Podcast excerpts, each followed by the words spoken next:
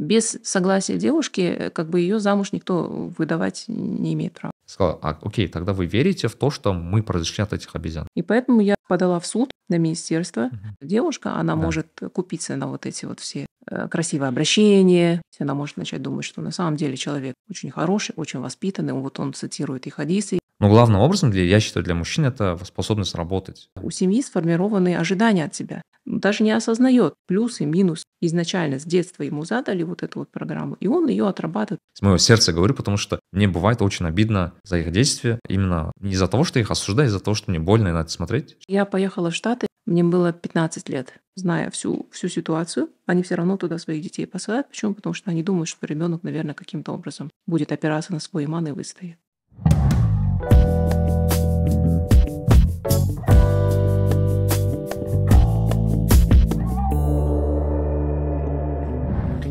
Бисмилля. Ассалаумағалейкум достар бұл нәрікпе және нәрікпе лайф кәсіби және рухани даму жайлы подкаст. Әдеттегідей біз керемет өзіміздің подкастын бастағалы отырмыз. Және де бір ескерту бүгінгі бүгін қонағымызбен сұхбатымызды подкастымызды орыс тілде өткізбекпіз. Және біздің бізде қонақта бүгін иман қуанышқызы иман ханым ассалаумағалейкум қош келдіңіз рахмет ага А, Имам Ханым а, вас знают в интернете, особенно в сети Инстаграм и Телеграме, как такую а, инфлюенсер, блогер, человек, который очень сильно влияет на тему ислама. Не то чтобы влияет, а вот пишет, пытается затрагивать вопросы, связанные с этим. И как бы я ваш, я ваши посты не пропускаю. И многие мои знакомые там начиная от моей жены до там очень много кого вас э, читают, слушают. Э, очень ждал вас сегодня на подкасте, э, и наши подписчики очень много про вас писали. А до того, как мы нач- начнем, я бы хотел чуть-чуть, э, наверное, про вас рассказать. Э, я как знаю, вы сейчас это дополните, вы мама пятерых детей, mm. активная мусульманка. Я как знаю, вы учились в США, а, вы были там а, в корпоративной сфере. Можете ли вкратце о себе рассказать? Да, я родилась в Актубе, училась в обычной школе, потом э, поехала в Штаты. Но в Штаты я поехала как э, школьница. Тогда вот только-только запустили вот эти программы обмена. И я там выпустилась из американской школы. Поэтому как бы я э, очень хорошо представляю себе вот эту вот всю среду в которой дети сейчас пребывают. Вот. А потом, когда сюда уже вернулась, в Казахстан, я э, училась э, здесь и потом как бы работала в корпоративной сфере. Очень много с международными компаниями. И сейчас как бы я э, работаю фрилансом уже из дома. А какая ваша основная деятельность? Основная деятельность мама. А, ну окей, имеется в виду по, по профессии, я имею в виду.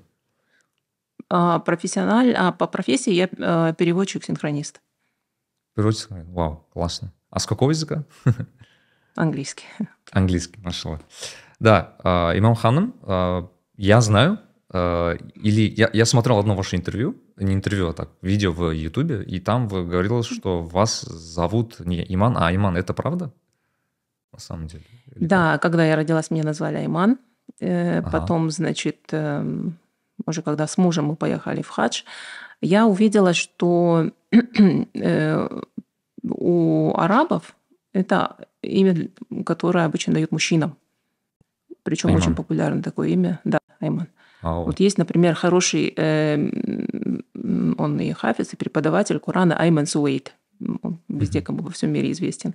А, вот. И там женщин как бы Айман не называют. И поэтому, значит, я подумала, ну, есть хорошее имя которая практически созвучная Иман. И так как я планировала в любом случае менять фамилию, то я решила как бы сразу и фамилию, и имя поменять.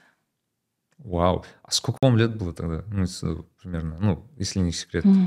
Это такой в взрослом так, возрасте менять имя непростое. Да, это было в 2012 году, 10 лет назад, 33 года. Вау. Смелое решение. Ну, ну больше виду, вас, наверное, многие знают как Иман, и как бы в один момент вы становитесь Иман. И... Ну, родственники, да, до сих пор э, мои родственники, э, им сложно перейти на новое имя, а вот те, кто э, друзья, те, кто подписчики, они называют меня Иман. А, ну вот, окей. Многие, наверное, не знали, но вот сегодня узнали об этом. Иман Хан, вот хотел с простых таких вопросов начать наш сегодняшний подкаст. Вы человек из интернета. Ну, действительно, если так образно говорить, то вас в основном, как ну, человека, который современном понятии блогера и так далее, ну, не так сильно знает, но больше человек, который проще пишет текста, а, да. теми же, ну, текст, вы в основном только переводите только текстовой формат, да, контента, скажем так. Да. А, вот, и вы соприкасаетесь с аудиторией именно из интернета, скажем, из Инстаграм или Телеграм. А, соответственно, да. есть такой вопрос, э, вопрос мусульман в интернете. Я вот так это описываю в общем формате. Что, что, что я подразумеваю под этим? Это то, что а, поведение именно мусульман в интернете. Потому что mm-hmm. я часто ну, слышу эти истории, когда там парни, мужчины, мусульмане пристают девушкам в интернете, либо пишут непристойные вещи, либо а, там девушки ведут себя ну, в, в платках, ведут себя не совсем там этически, э, там по нормам шариата и так далее, и так далее. А, и в целом такой стоит вопрос, есть ли, должна ли быть какая-то этика мусульман в интернете? Потому что все-таки, мне кажется, ну, мне кажется, что мусульмане все-таки должны по-другому себя вести, а, в отличие там, от остального части общества. Как вы считаете? Ну да, я, я согласна с вами в том плане, что у мусульман есть адаб, прописанный в шариате, и неважно, где ты себя ведешь в реальности или это в виртуальном мире, то есть эти правила, они распространяются точно так же, они должны быть э, очень глубоко укоренены в человеке, потому что, вот, например, даже когда я писала про больших э, наших имамов, которые основали Масхабы, они практически все, до того, как они начали получать знания по фику, по акиде, они все получали э, довольно-таки сильное э, обучение, проходили у больших шейхов по адабу. Почему? Потому что это структурирует твою личность, это потом помогает правильно вести себя с учителем, правильно воспринимать информацию. А, и вот как бы вот эти вот э, отход от вот этого адаба, отход от правил, на самом деле он как бы влияет довольно сильно на личность.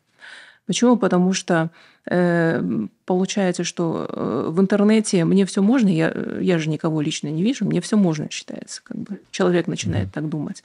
И поэтому он начинает позволять себе какие-то там фривольности и так далее.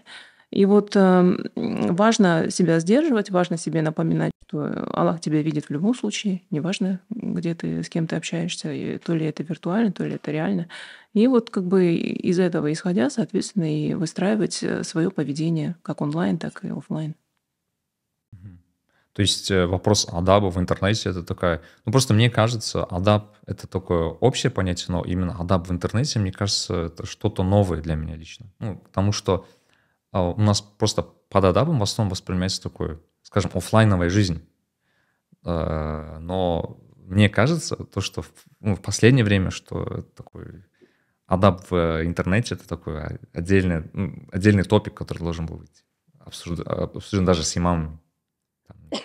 Да, я тоже так считаю, что э, этот вопрос должен, э, как бы, э, необходимо его раскрывать более детально, потому что э, твои грехи, они все равно записываются вне зависимости от того, где ты их совершаешь, да? Поэтому как бы вот для да. того, чтобы предостерегать мусульман, нужно как бы более эм, адаптированно давать уже материал, что ты, допустим, ты э, ведешь себя, разговариваешь себя вежливо с человеком не только когда он перед тобой находится, но и когда ты, допустим, э, пишешь ему или когда ты э, разговариваешь с ним, ведешь беседу в комментариях или там что еще чаще случается, вот эти вот дискуссии или войны в комментариях. Тут как бы важно для себя просто видеть, вообще стоит на это время тратить или нет, воспримет человек информацию или нет, и, соответственно, как да. уже из этого исходя, не переходить границы. А вот э, просто есть ну, такой момент, что очень много людей, например, в тех же комментариях оставляют комментарии анонимно. То есть э, не раскрывая личности, абсолютно анонимно, считая то, что за ним, ну, типа, никто не смотрит. Но вот этот момент кажется интересно, то, что человек -то думает этой жизнью, типа, в этой жизни тогда, типа, человека не увидишь, не найдешь, но ангел-то видит, скажем так, на его плечах там или там, ну, да, да. И так далее, да? Есть... Да, да. Это все равно все в любом случае записывается, и здесь как бы мы можем просто, если мы видим, что это практикующий мусульманин, мы можем напомнить сказать, что ну, нужно себя немножко осознаннее вести. А если это не практикующий мусульманин, или если это не мусульманин, то мне кажется, как бы здесь нужно если есть э, сабр, то можно постараться как бы э, проявить свой uh-huh. красивый адап, да. Если нет этого сабра, то проще просто прерваться и прекратить беседу. Uh-huh. Почему? Потому что ты э, наущения это всегда идут, тебя же всегда подстегивают, uh-huh. ты же все это воспринимаешь официально, э, в смысле эмоционально, и ты начинаешь воспринимать это как будто это э, лично на твой счет. Хотя, как вы говорите, это вообще непонятно, кто сидит там по ту сторону экрана и что он там пишет, и что он вообще из себя представляет. Вот это, а, а вот этом всем забываешь и начинаешь как бы на всю вот эту вот э, полемику очень горячо реагировать, вестись. И э, вот в такие моменты как бы вот этот вот адап, который он еще с детства должен идти, вот это вот воспитание, которое как бы очень сложно переступить, должно быть так, по идее, вот оно должно человека сдерживать. Угу. Да, машала. А как, а как учить адап? Это с детства должно идти просто? Да, это с детства, это а, родители, это вот э, я вот недавно начала писать про то, что как бы желательно, чтобы и другие родственники тесно общались с ребенком. Почему? Потому что Э, ребенок э, может в каких-то моментах не воспринимать родителей. Но, допустим, когда ему говорит кто-то другой, тоже взрослый, да. тоже человек, которого уважают и родители, и сам ребенок, он это будет воспринимать немножко по-другому, будет воспринимать лучше. И как бы поэтому, допустим, бабушки, дедушки, которые его с одной стороны балуют, а с другой стороны могут сказать, вот так нельзя делать. Вот здесь вот лучше вот так вот не кричать, вот здесь лучше вот так не говорить. И ребенок как бы он будет видеть, что его мягко, ну, немножко в рамки вводят. И тогда не будет какой-то вот такой вот агрессии. Постепенно, постепенно, вот так капля за каплей ребенок будет... ребенок же все время тестирует наши границы, что мы позволяем, что мы не позволяем. И когда да. последовательно взрослые проводят вот эту вот, скажем так, делимитацию и показывают, что вот это однозначно нельзя, например, строго запрещают, есть какие-то вещи, которые, допустим, там в каких-то обстоятельствах запрещаются, то ребенок начинает ориентироваться, и это у него уже записывается на подкорке, и, соответственно, дальше, когда он общается будет со взрослыми людьми во взрослой своей жизни, это будет ему сильно помогать. Э, с воспитанным человеком, образованным человеком намного легче общаться, намного проще доносить ему идеи, потому что даже если он не согласен, он про себя просто подумает, ну, у меня своя точка зрения, я на ней останусь, все, халас, да, допустим, прервем разговор, на этом как бы закончим. А с, несво... с невоспитанным человеком это же просто ну, куча проблем, потеря энергии, потеря твоего как бы вот этого уравновешенности твоей. Поэтому я думаю, это как бы вот для самого же ребенка, когда родители начинают с раннего возраста воспитывать, это большой плюс. Да. Машала. Э, вопрос э, более современный, который появился у меня в последнее время. Эм, объясню как. Эм, я недавно открыл для себя TikTok, честно. Mm-hmm. Это такая супер новая штука, mm-hmm. хотя мне там 28 лет. А, то есть вроде как я молодой, но для меня TikTok это что-то совсем прям новое. И я заметил, что э, это чуть-чуть другая аудитория, чем там, не знаю, чем другие соцсети. Она более молодая, как минимум. Там очень много подростков. И он такой очень виральный контент. И я что заметил, э, это не только у нас, очень много мусульман э, снимают ТикТок. Очень много. Прям, э, ну, он еще так работает, знаете, он, то есть он рекомендует под ваши там интересы. То есть если меня, например, интересует ислам, он мне там начинает предлагать там религиозный контент, да, скажем так. Но если я там лайкну что-то там прикольное, там, скажем, там, танцульки какие-то, да, он начинает их тоже предлагать. И бывает очень много казусов, когда он начинает предлагать мне именно мусульманок в платках, танцующих, делающих вот эти челленджи и все такое. И у меня встает вопрос, то есть я это смотрю, да, это прикольно, но у меня встает вопрос, а насколько, во-первых, это правильно, и не считается ли это уподоблением людям другой веры. А, такой более глубокий же вопрос, но Я к тому, что, честно, э, смотря на них, я бы не понял, что они мусульмане, если бы не был бы хиджаб. Скажем так, там, там же много мужчин, которые это делают, например, да, и, а, ну, по ним очень тяжело даже понять, что мусульманин человек или, или нет, но вот мусульманок можно там, по, как минимум по одеянию понять. И у меня тут встает вопрос, типа, а, насколько это, во-первых, правильно это делать, во-вторых, а, то есть надо ли как-то, если это нет, не, если это неправильно, надо ли как-то говорить об этом, либо поднимать этот вопрос, то есть э, как вы, как, как вы думаете по этому? У меня нет ТикТок. Я не знаю, я только с ваших слов и со слов своих знакомых сужу о том, что там происходит сейчас. А мои дети тоже, они как бы... Ну, я им просто один раз объяснила, что это такое, и они как бы сами тоже не, не загружают. И не... Поэтому у меня нет источника, где я могла бы посмотреть. Но я очень много читала о том, как работают алгоритмы, да, и о том, что происходит практически очень такое мгновенное вовлечение человека в, в сеть. Касательно мусульманок, которые вот снимают все эти видео, да, это, конечно, неправильно. Неправильно по многим причинам, потому что, как бы, э, во-первых, в исламе вот музыка и танцы это считается харамом, потому что выставление себя э, женщины на показ вот именно таким образом это тоже харам. То есть тут как бы по очень многим параметрам происходит э, нарушение вот таких вот положений непонятно. В смысле, непонятно, по, по чем, чем руководствуются в данном случае те, кто снимают, и как они для себя это вообще обосновывают. Эм, но это, я так понимаю, просто последствия того, что происходит вот, этот, вот это э, культурное влияние, когда, скорее всего, это же молодые да, девушки, они, скорее всего, как да. бы росли в этой среде, и, соответственно, как бы у них ислам это больше вот как, эм, скажем так, небольшая культурная составляющая. То есть она у них не идет как э, мировоззренческая основа, да, ислам, а, а, скажем, платок на голове у них больше как вот просто э, дань культурному наследию своей семьи, скажем так.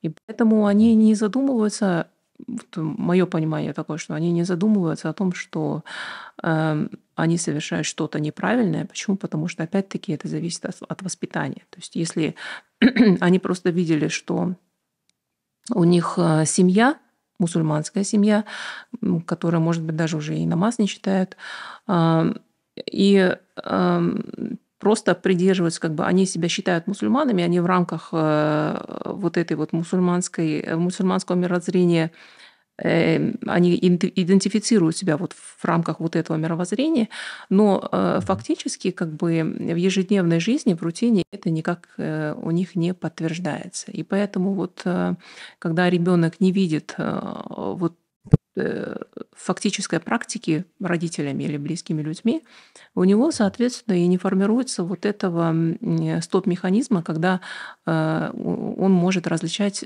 хорошее от плохого. И поэтому для него ТикТок, соцсети, снимание там вот эти вот все видео, да, и выкладывание их в ТикТок, например, это идет как эм, органичное продолжение их жизненного пространства.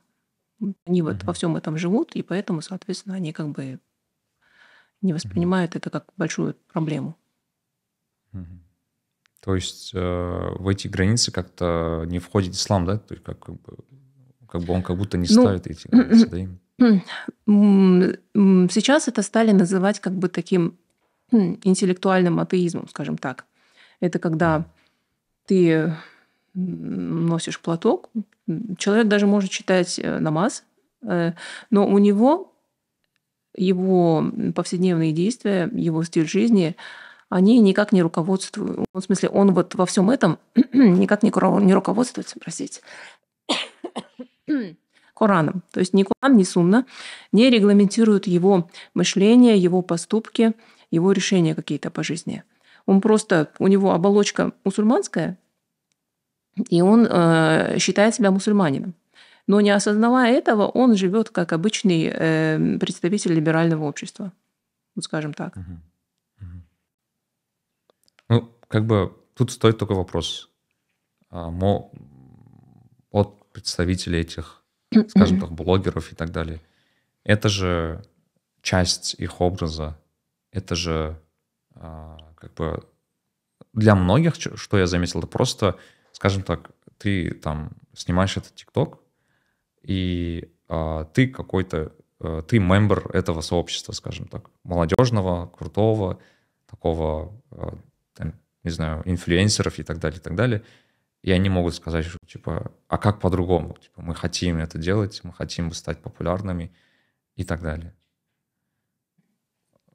Можно ли мы сказать, что, типа, есть другие способы для этого? Ну, здесь, видите, э, проблематично уже то, что стоит цель популярности, потому что мусульмане Да. стремятся к популярности, да. То есть у нас как бы подход такой, что мы что-то делаем, а потом уже результат от Аллаха. То есть он либо распространяет это среди людей, это внушает людям Да. желание читать это там или смотреть это, и, и, соответственно, как бы идти на вот такие вот специальные, ну, где-то, может быть, там провокационные или там еще что-то такое, там ради хайпа, да, или там вот такие откровенно запретные вещи, это тоже харам.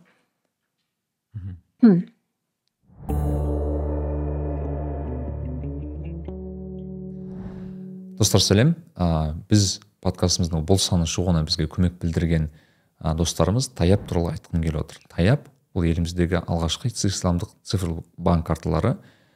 Оны қолдану арқылы сіздің ақшаңыз несие беруде немесе өсім өсуде қолданылмайды толығымен халал. Біз осыған дейін бұл банк карталарын қалай ашуға болатынын көрсетсек бұл жолы сіздерге бұл карталармен қандай операция жасауға болатынын көрсетеміз. Біз алдымен ә, таяп картасын толтырып көреміз. Ол үшін біз аудармалар тетігін басып таяп картасын толтыру тетігін басамыз. Осы жерден біз басқа банк картасының ақпаратын енгіземіз. Мысалы бұл жерде 16 цифрлық карта нөмірін енгіземіз. Және де ә, атымызды жөнімізді банк картасының айын жылын cvv нөмірін және аударма суммасын жазамыз. Ары қарай бізге растау керек. Растаудан кейін бізге кей кезде ә, secure ә, енгізу керек. Ол үшін біз осыны енгіземіз және бізге тез арада операция сәтті орындалды деп шығады. Ал екінші операция біз ә, кез келген банк картасына ақша жіберіп көреміз. Мысалы мен ол осы тетікті бастым. Осы жерден таяп картасын таңдаймын және екіншіден мен қазір он алты цифрлық банк картасын енгіземін. Жібергім келген мысалы енгіздім. Мына жерге сумманы жазамын. Астында комиссия. Аудару. Тетігін басып біз растаймыз. Және ары қарай смс. Оны тез енгіземіз. Және бізге аударма сәтті аяқталды деп шықты. Осы ақ қана. Таяқ қосымшасын ә, жүктеп алу үшін сілтемелер осы видеоның түсіндірмесінде бар. Оны жазып қолданып подкастты қолдап жүріңіздер. Ал ә, біз подкастымызды жалғастырамыз. А, Иман Ханым, есть такой вопрос, наверное, вам, угу. как э, мусульманке, пишут много мусульманок. А, я угу. так плюс-минус уверен в этом, потому что я лично знаю своих знакомых. То есть, когда там а, было очень много случаев, когда а, а, девушка начала читать намаз, спрашивает, кого читать, ну, типа из блогеров, и всегда советует вас. И а, То есть, ну, это, это правда, то есть э, буквально я это там очень от кого это слышал. Вот. А с, эти, э, с этим есть а, несколько таких больших тем. Первое, я, с чего я хотел начать, mm. это вопрос замужества. Mm. Потому что э, для многих, которые пришли в ислам, то есть, э, то есть я их делю. То есть есть люди, которые были изначально в таких скажем так, исламских ценностей семьях, да, а, mm и, а есть люди, которые пришли к этому в более осознанном возрасте, когда родители являются в основном там более светскими людьми, они там начали, mm начинают там практиковать религию. А, и стоит вопрос, как выбирать, потому что а, как найти себе жениха, mm мужчинам как найти невесту, и а, тех механизмов, которые были раньше, то есть там, мы знаем, что во время там когда там 100-200 лет назад там могли там через там Ататан страда, там, не знаю, там как-то mm-hmm. в казахском как бы обществе было, а, был процесс того, как mm-hmm. правильно знакомить, да, молодежь. Mm-hmm. А в, на, в, в нынешнем виде там это чуть непонятно, потому что там у нас есть интернет, у нас есть, мы живем в очень в урбанистических таких обществах, то есть очень густонаселенных, где типа mm-hmm. ты, как раньше уже не сможешь э, знакомиться, находить и так далее, и так далее. Соответственно, вопрос, как современным мусульманкам находить mm. э, спутников жизни, и в целом, как находить, как, как создавать семью в таком обществе? Вот. Как, как вы считаете?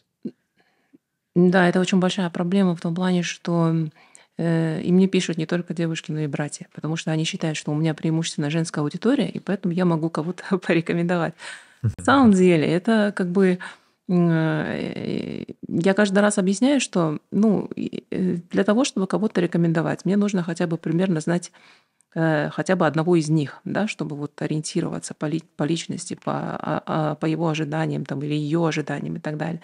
Это очень сложно, и поэтому я, значит, вот последний раз, когда с девочками встречу мы проводили, я говорю вот более взрослым сестрам, присматривайтесь к молодым, ведь у вас есть братишки, у вас есть там, я не знаю, старшие братья, э, двоюродные братья, которые не женаты. Присматривайтесь к девочкам, разговаривайте с ними, может быть, у вас есть даже какие-то знакомые, может быть, у вашего мужа есть какие-то друзья, которые ищут себе спутницу жизни.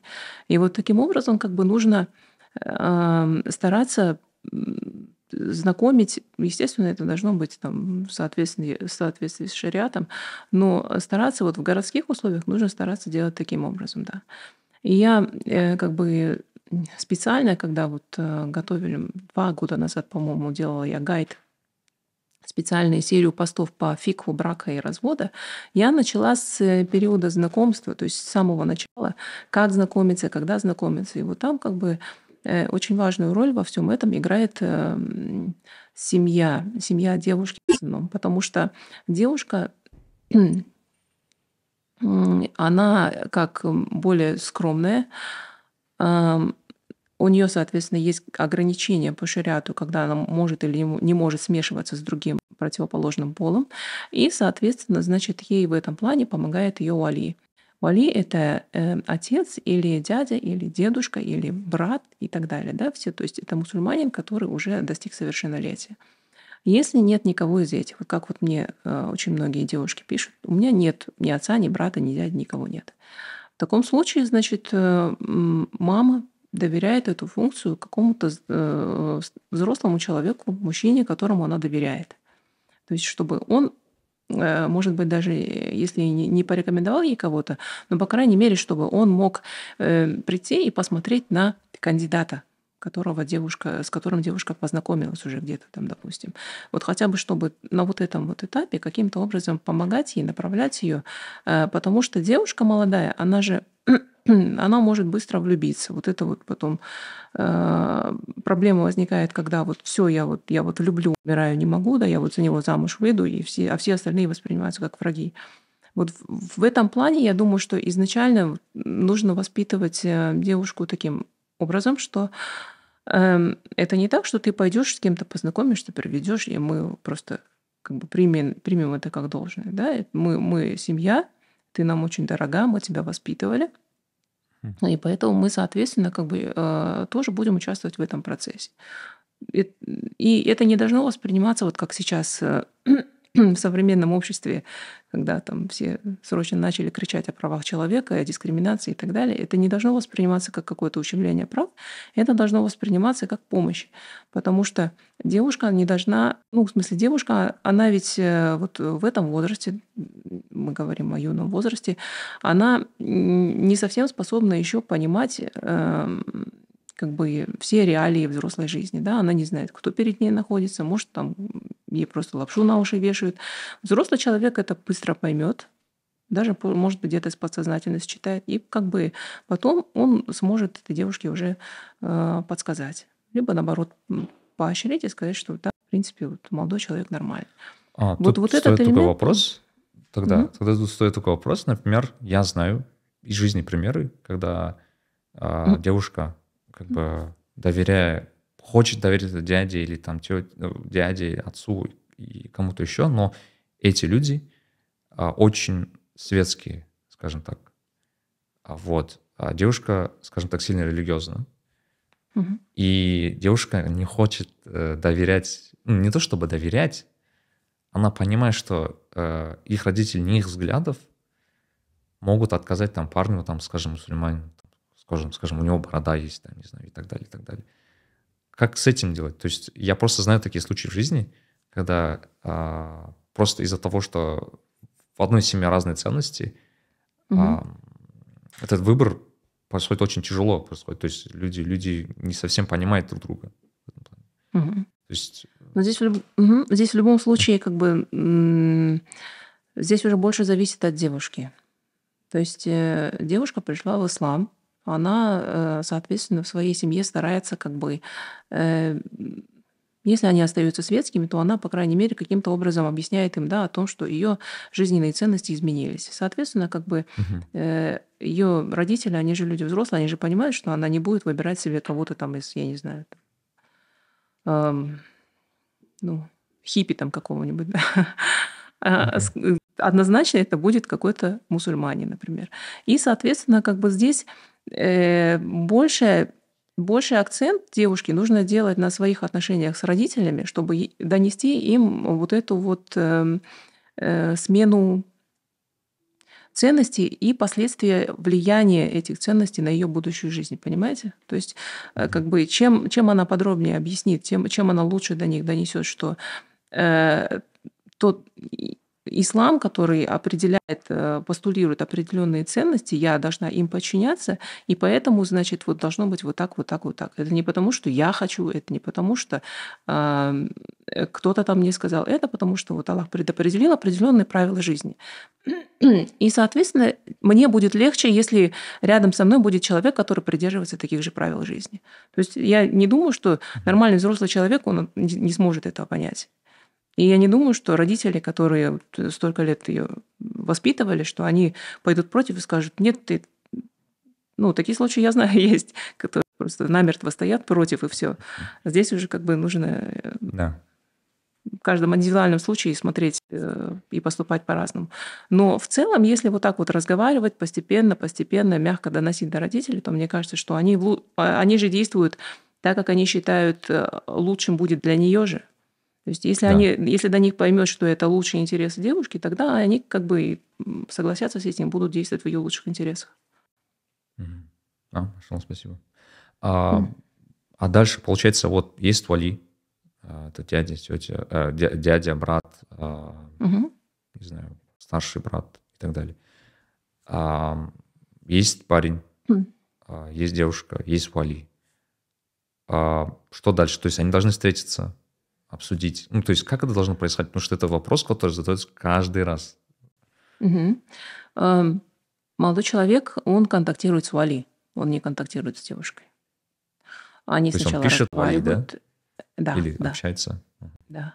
Да, они э, встречаются, Оли э, оценивает его, смотрит на него, и потом как бы уже выносит свои суждения, и девушке говорит, вот, э, стоит или не стоит, подходит или не подходит. И исходя из этого уже девушка как бы принимает решение. Дальше как бы она с ним общается или не общается. Ну, в смысле, общение это все равно происходит в любом случае в присутствии Уали, в присутствии родственников. То есть, если на первой встрече он ее не впечатлил, девушка может попросить Уали, например, провести вторую встречу уже, где она будет вместе рядом, чтобы она могла убедиться, что Уали на самом деле не ошибается. То есть, как бы по, по шариату дозволены три встречи, во время которых как бы молодые в присутствии Уали задают друг другу такие основополагающие вопросы и э, как бы смотрят вообще, есть ли какая-то симпатия, возможно ли с этим э, человеком, или э, в смысле мужчиной или женщиной, построить как семью вот именно такого плана, как они себе, как они ожидают. Поэтому, значит, вот в течение вот этих вот трех, трех встреч девушка может задавать любые вопросы, которые ее интересуют. Если рядом сидит Вали, и потом уже дальше они э, вместе э, с Вали обсуждают э, кандидатуру вот этого молодого человека. Без есть... согласия девушки, ага. как бы ее замуж никто выдавать не имеет да. права. Кстати, вот этот вопрос насчет согласия девушки очень актуален, мне кажется, потому что а, там бывают случаи, там, особенно там раньше бывали как минимум случаи, когда там девушки насильно, не насильно, но, скажем так, знаете, да, вот эти алкашу, вот это все. Да, да. А, да. мне каждый раз просто, когда, ну, в последнее время это практически не слышу вот эти истории, но э, в целом хочется сказать то, что как раз таки, что в исламе без согласия девушки никто ее замуж не выдаст, на самом деле. Да. Ну, имеется в виду, никто не сможет ее заставить. И, э, к сожалению, есть имамы, которые там иногда могут э, пренебрегать этим. То есть это я видел в аулах таких имамов, которые там, скажем, жігіт қызды алып қашады үйлену керек и как-то они должны, короче, это сделать. То есть это большое давление на девушку, что она должна там, не знаю, согласиться или нет, и так далее, и так далее. И многие, кажется, просто забывают тот момент, что без согласия девушки нету брака просто. Mm-hmm. В целом, mm-hmm. да.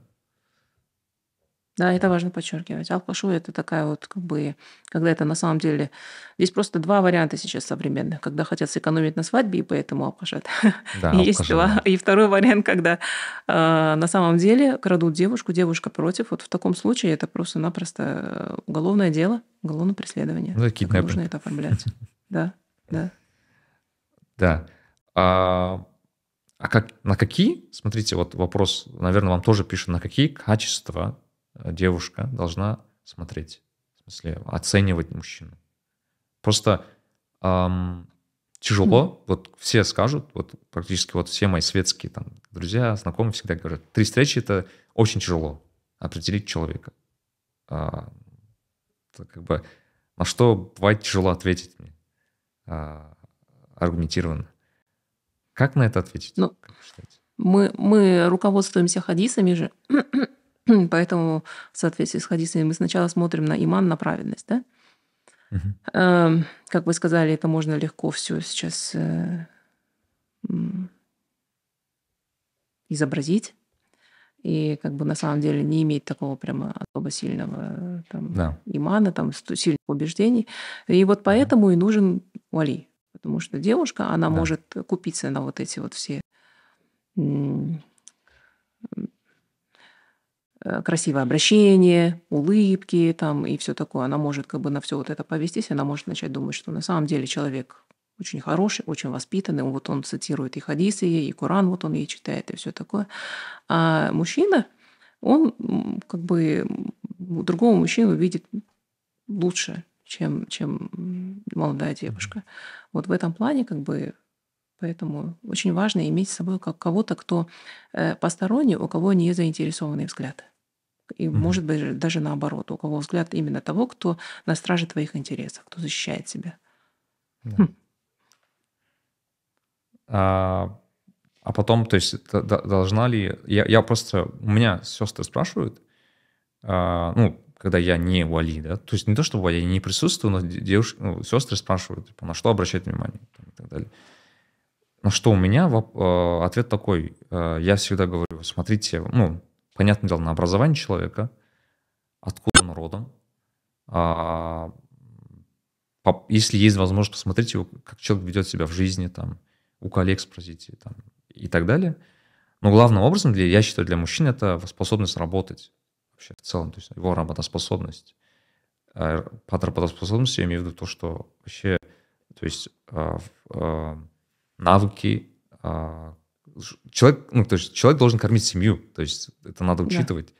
То есть вот у человека должны быть навыки а, для этого, то есть, не знаю, это ведение бизнеса, работы, хоть что-то. Потому что, к сожалению, я видел случаи, когда это отсутствовало, а, и это прям сильно-сильно било по семьям, бывали разводы и угу. все такое, из-за угу. того, что вот, это, вот этот момент не учитывался. То есть парень читал Коран, знал наизусть там много-много-много угу. сур, не пропускал mm-hmm. ни одной мечети, но чувак не работает. Mm-hmm. То есть он буквально сидит на шее там, не знаю, родителей, на кого-то или там mm-hmm. бездельничает, но все время занят исламом, на что там, многие сестры, к сожалению, ведутся. А, и mm-hmm. а потом как бы, такие мужчины, а, опять-таки, а, покрываясь исламом, не работают, там, не знаю, сидят дома, дом, дом, мечеть, дом, мечеть, то есть там, и так далее. То есть угу. я это видя просто понял одно для себя, то, что э, для мужчины вот работа, его деятельность это чуть ли не самое важное. То есть э, даже вот даже вот и, и говорит про ислам, что ислам, основатели, основатели, ну, скажем так, первые люди, которые распространяли ислам, самые первые, скажем, адоптеры его, это люди богатые все равно, ну, как, как бы ни говорить. То есть люди, там, если мы говорим про сахабов, потому что иначе э, ну, мусульмане должны работать. То есть я просто это вижу и как бы хочу иногда донести, но иногда как бы не получается.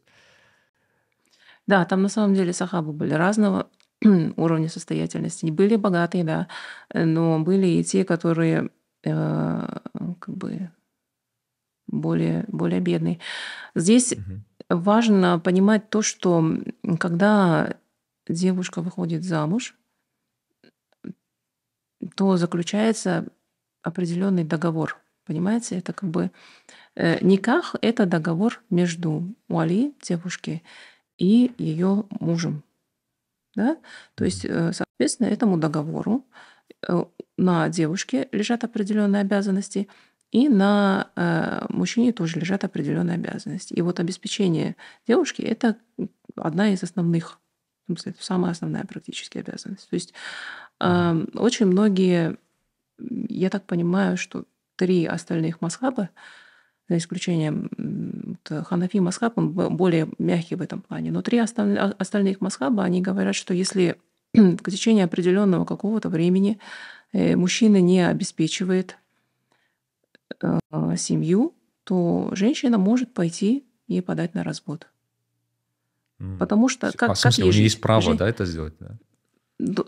И да, вообще да. Вот в, как бы в других масхабах, насколько, если я правильно помню, просто этот материал готовил два года назад, если я правильно помню, в других масхабах, да, девушка идет к имаму, женщина идет к имаму и предоставляет э, доказательства угу. о том, что муж фактически никак семью не содержит, вообще никак. Ну, и, и не собирается содержать, и у него нет такой цели, как бы он свою обязанность, вот эту вот основную, не выполняет. И тогда уже как бы с э, имамом а, решается вопрос. То есть дальше имам уже э, выбирает, какой механизм использовать. То есть, может быть, там сначала там насыха, да, старается там убедить этого мусульманина там, выполнять свои обязанности и так далее. Либо если, допустим, все заходит очень далеко, и на самом деле семья в плачевном состоянии, и женщина на себе все тащит, тогда э, имам может принять решение да, о том, чтобы дать развод смысле, mm. аннулировать этот брак. Вот а, wow. такое. А, по Масхабу Ханафи а, такого варианта нет, даже если э, муж не обеспечивает. Но у женщины есть возможность истребовать вот это содержание у родственников мужа. Это вот чисто по фикпу, то, что как бы там написано. То есть э, как бы здесь идет вот такая вот... Э, ну, раньше же жили родами, аулами. То есть если представитель вот этого как бы вот этой семьи не обеспечивает меня, то, соответственно, все те, кто, допустим, э, члены его семьи, его братья, его там отец и так далее, там, она может потребовать содержания на семью у них. Вот это вот оговаривалось. В наших условиях это все очень становится как бы э, так, э, как бы сказать, ну, эфемерно, я бы сказала, потому что вот таких да. механизмов, как бы, э, которые реально существуют на практике, нет. А, думку в этом плане очень сложной отрабатывать ну, их. Мне кажется, Почему? урбанизация сильно повлияла на это, потому да, что... Да, э, это, как это бы... как бы, да, идет разрушение большой семьи, когда у тебя вот отпадают все вот эти механизмы, которые ты мог бы... Ты, ты, раньше семья могла бы повоздействовать, например, да, э, на вот этого э, мужчину и сказать, ну, что ты делаешь? Ты, вот такая твоя обязанность, будь мужчиной, давай вперед соберись там и так далее. Сейчас это называется вмешательством в мою личную жизнь да, нарушение моих личных границ. Да. Вот когда вот такое вот все происходит, то да, тут как бы вот этот вот принцип не осуждай и все такое, вот то, что вот как бы очень многие современные, даже мусульмане берут на, на вооружение, он сильно мешает. И тогда как бы получается, что женщина, чем ей вот э, возиться со всеми, с разбирательством вот этих вот всех вопросов, ей проще э, идти и начинать работать самой. И кормить детей, если они есть. Поэтому, когда девушка собирается выходить замуж, да, ей проще, ей как бы нужно смотреть на то, насколько как бы мужчина вообще адаптирован к этой жизни. Э, если у него на данный момент работа, работал ли он раньше, где он работал, как он вообще содержит себя, где он живет. То есть это здесь подразумевается не состоятельность не богатство, да, как вот многие как бы обвиняют женщин в том, что они вот там смотрят там, на состояние, на богатство, вот им нужны только деньги, вот эта вот меркантильность. Э, женщина, она чисто биологически заточена на то, чтобы приносить потомство. И поэтому ей важна безопасность. Если мужчина показывает, что он способен вот эту безопасность ей обеспечить, пусть даже это будет, допустим, там однокомнатная квартира, но это чисто вот, вот здесь мы будем жить, никто как бы не будет там нарушать наш покой там и так далее, да, вот как бы чисто вот на инстинктах, если смотреть, то э, какая-то женщина уже как бы на это согласится. Почему? Потому что она будет понимать, что на самом деле это вот реальная основа, с которой, от которой можно оттолкнуться и дальше строить семью. Кому-то да. этого будет мало, для кого-то это будет вполне себе нормально.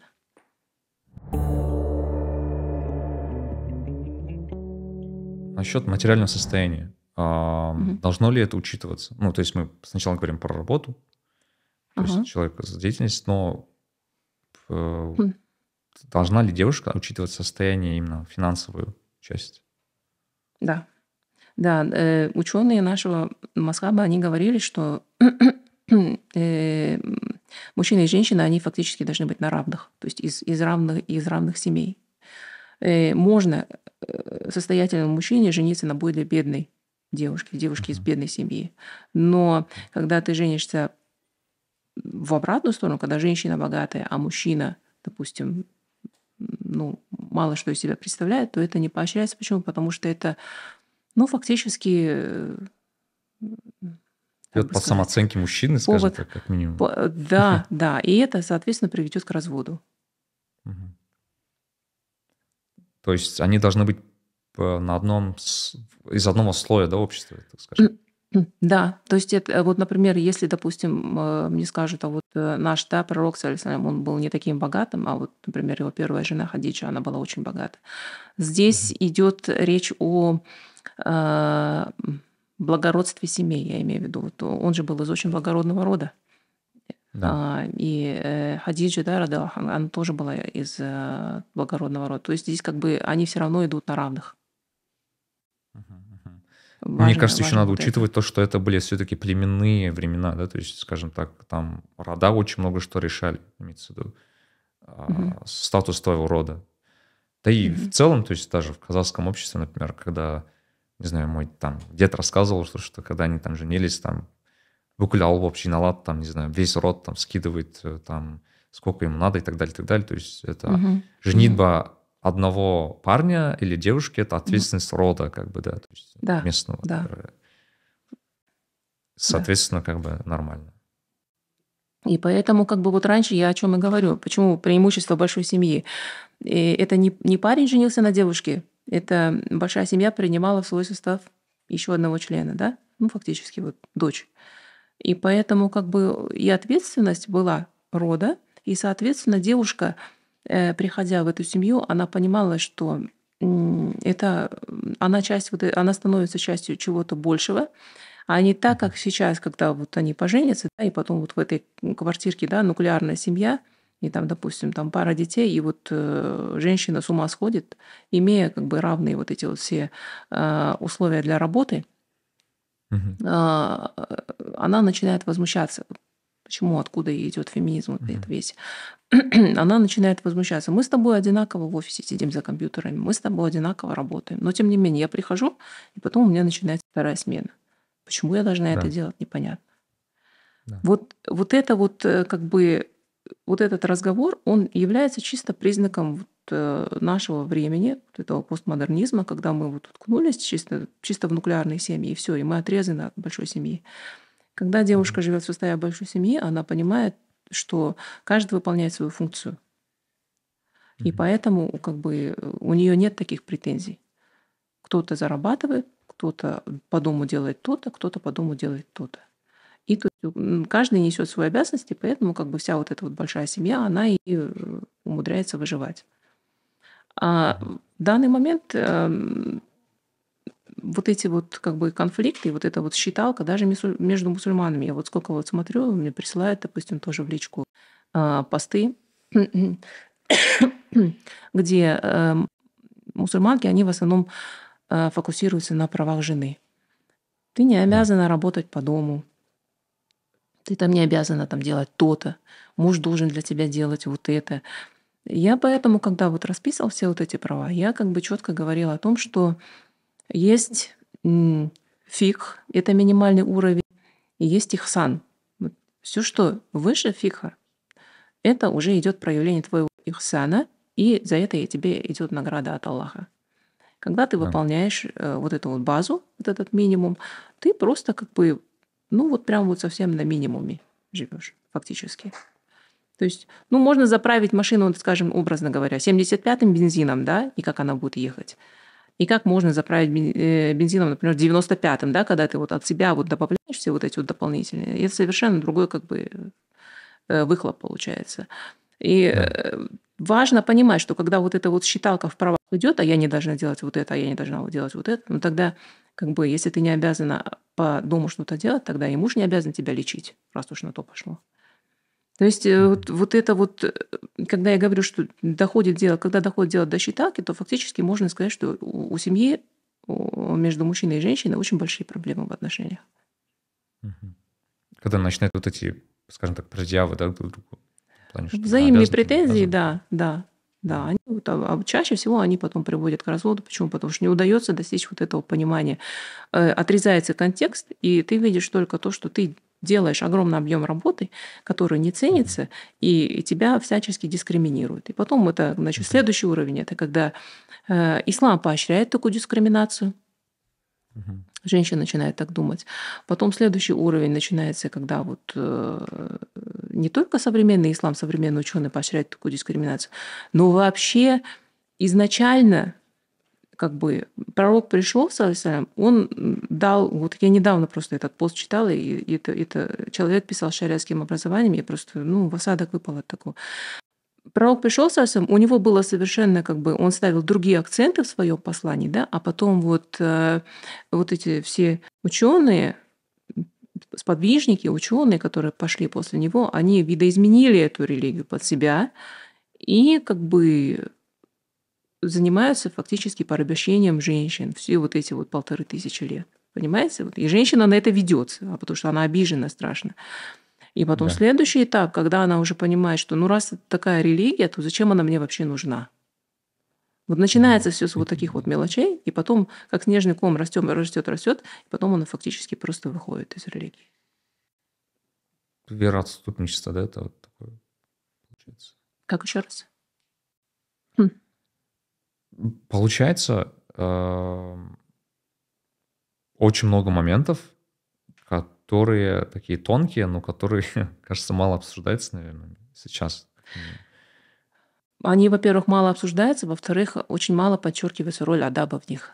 То есть это все да. равно все упирается в воспитание. Есть uh вещи, которые как бы э, мужчине нужно объяснять, мальчику нужно объяснять на стадии его взросления, когда, ну, девочки, они более эмоциональные, они более такие вот как-то там, они быстро меняют решения, они, может быть, в чем-то более легкомысленные, но у них как бы сильные стороны вот такие вот такие. То есть, чтобы он прекрасно, допустим, когда он женится, чтобы у него это срабатывало, что если он видит, что женщина там эмоционально что-то высказывает, высказывает, чтобы он это не брал себе близко к сердцу, да, чтобы он просто оттуда как бы основную мысль вытащил, из всего вот этого потока сознания, и потом, соответственно, с этой мыслью работал. То есть, как бы э, женщине просто она вот выплеснула все, ей стало легче, и потом она уже будет готова как бы обсуждать конструктивно. Мужчины же начинают отвечать, начинают спорить, начинают доказывать, параллельно тоже начинают в истерику впадать. Вот это вот как бы меня э, немножко коробит. Это вот именно вот э, нашего, вот, не нашего поколения, а вот более молодые мальчики, вот, исходя из того, что вот мне сестры рассказывают, здесь не хватает именно вот такого как бы правильного мужского подхода, правильного мужского воспитания. Да. Согласен.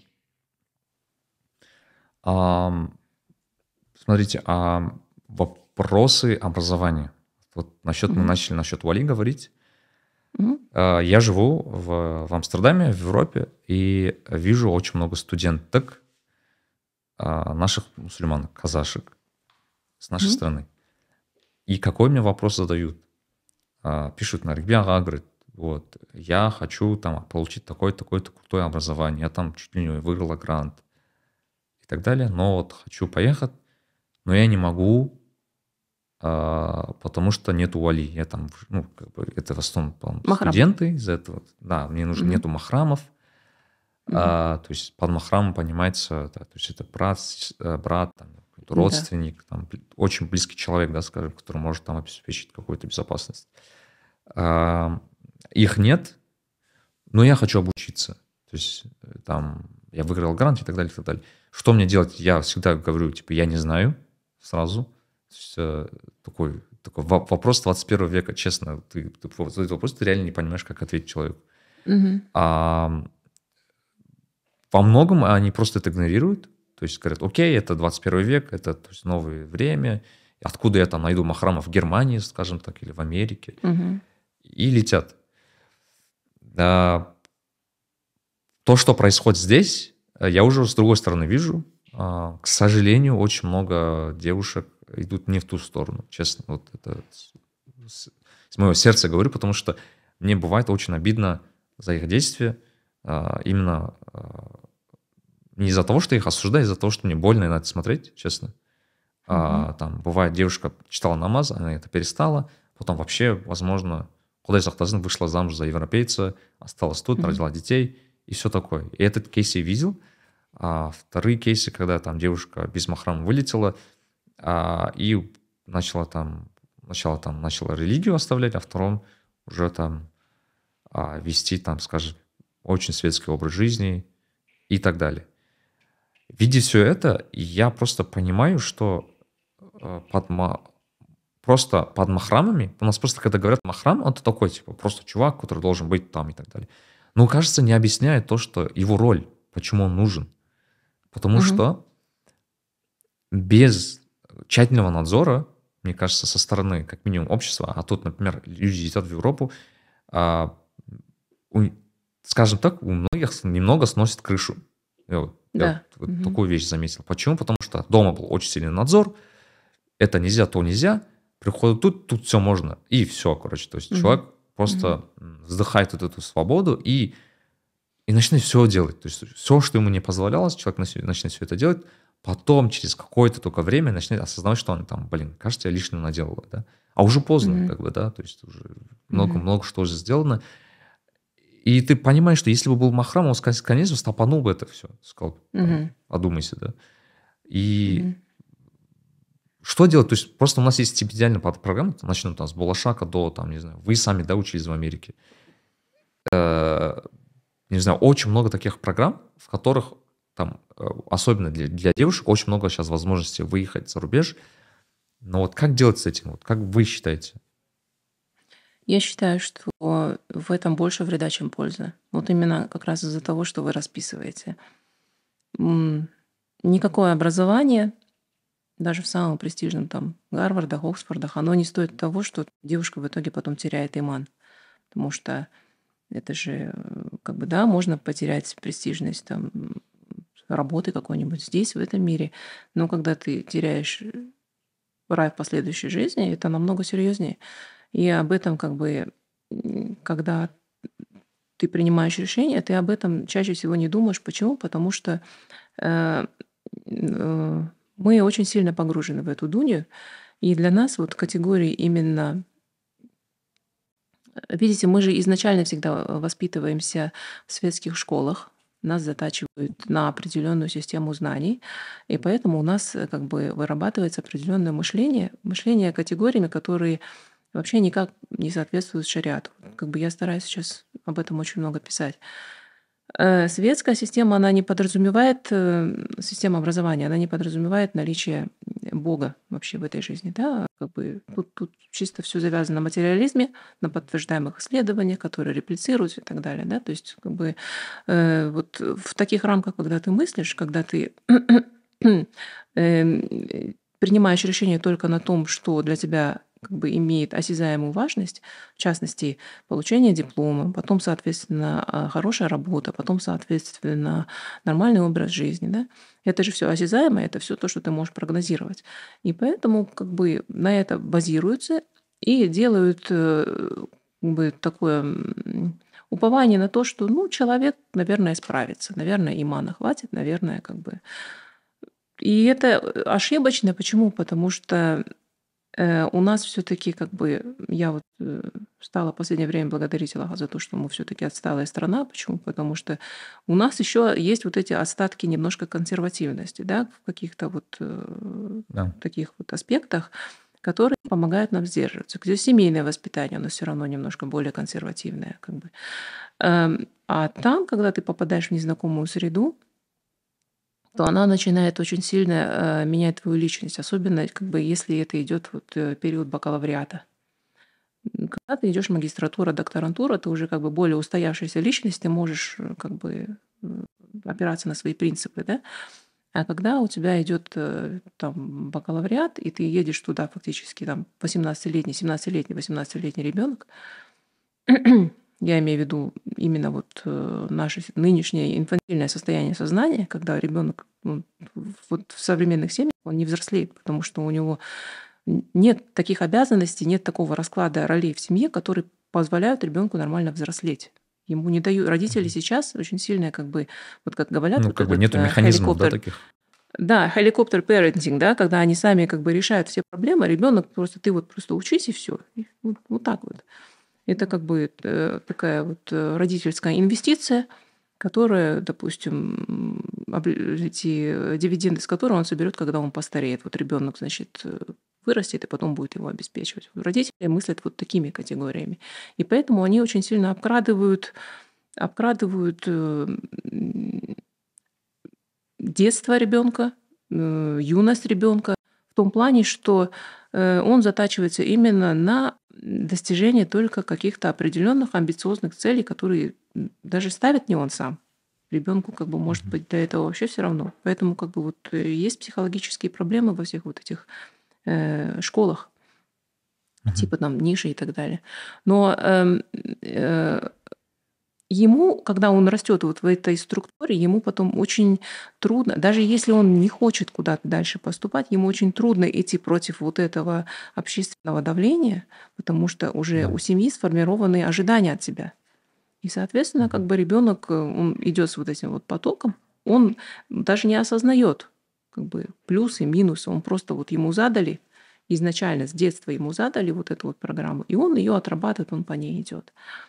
И и здесь как бы э, тот факт, что э, где-то вот поверхностно идет соблюдение ислама, оно как бы не имеет, я думаю, большого значения. Почему? Потому что очень э, малая часть родителей, которая на самом деле анализирует ситуацию, да, и вот как бы распад морали сейчас на Западе, который происходит, и они все равно посылают туда своих детей. Зная, зная всю, всю ситуацию, они все равно туда своих детей посылают. Почему? Потому что они думают, что ребенок, наверное, каким-то образом будет опираться на свой иман и выстоит. Потому что э, мы должны как бы и в дунье преуспеть, как они говорят, и мы должны э, не потерять и последующую жизнь.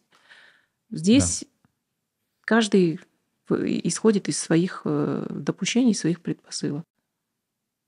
Ну, мой совет, который девушкам, которые так пишут, я лично как говорю, я говорю, если летите, ну, если прям нужно, делайте это только, ну, как вы сказали, не бакалавриат. То есть это должен быть угу. магистратура, PhD, как минимум менее влияет, чем бакалавр, что я заметил. Потому что, мне кажется, mm человек после, сразу после школы идти в такую среду прям очень опасно. А, во время становления да, я... личности, да, вот, формирования mm личности именно. Да, потому что я поехала в Штаты, мне было 15 лет.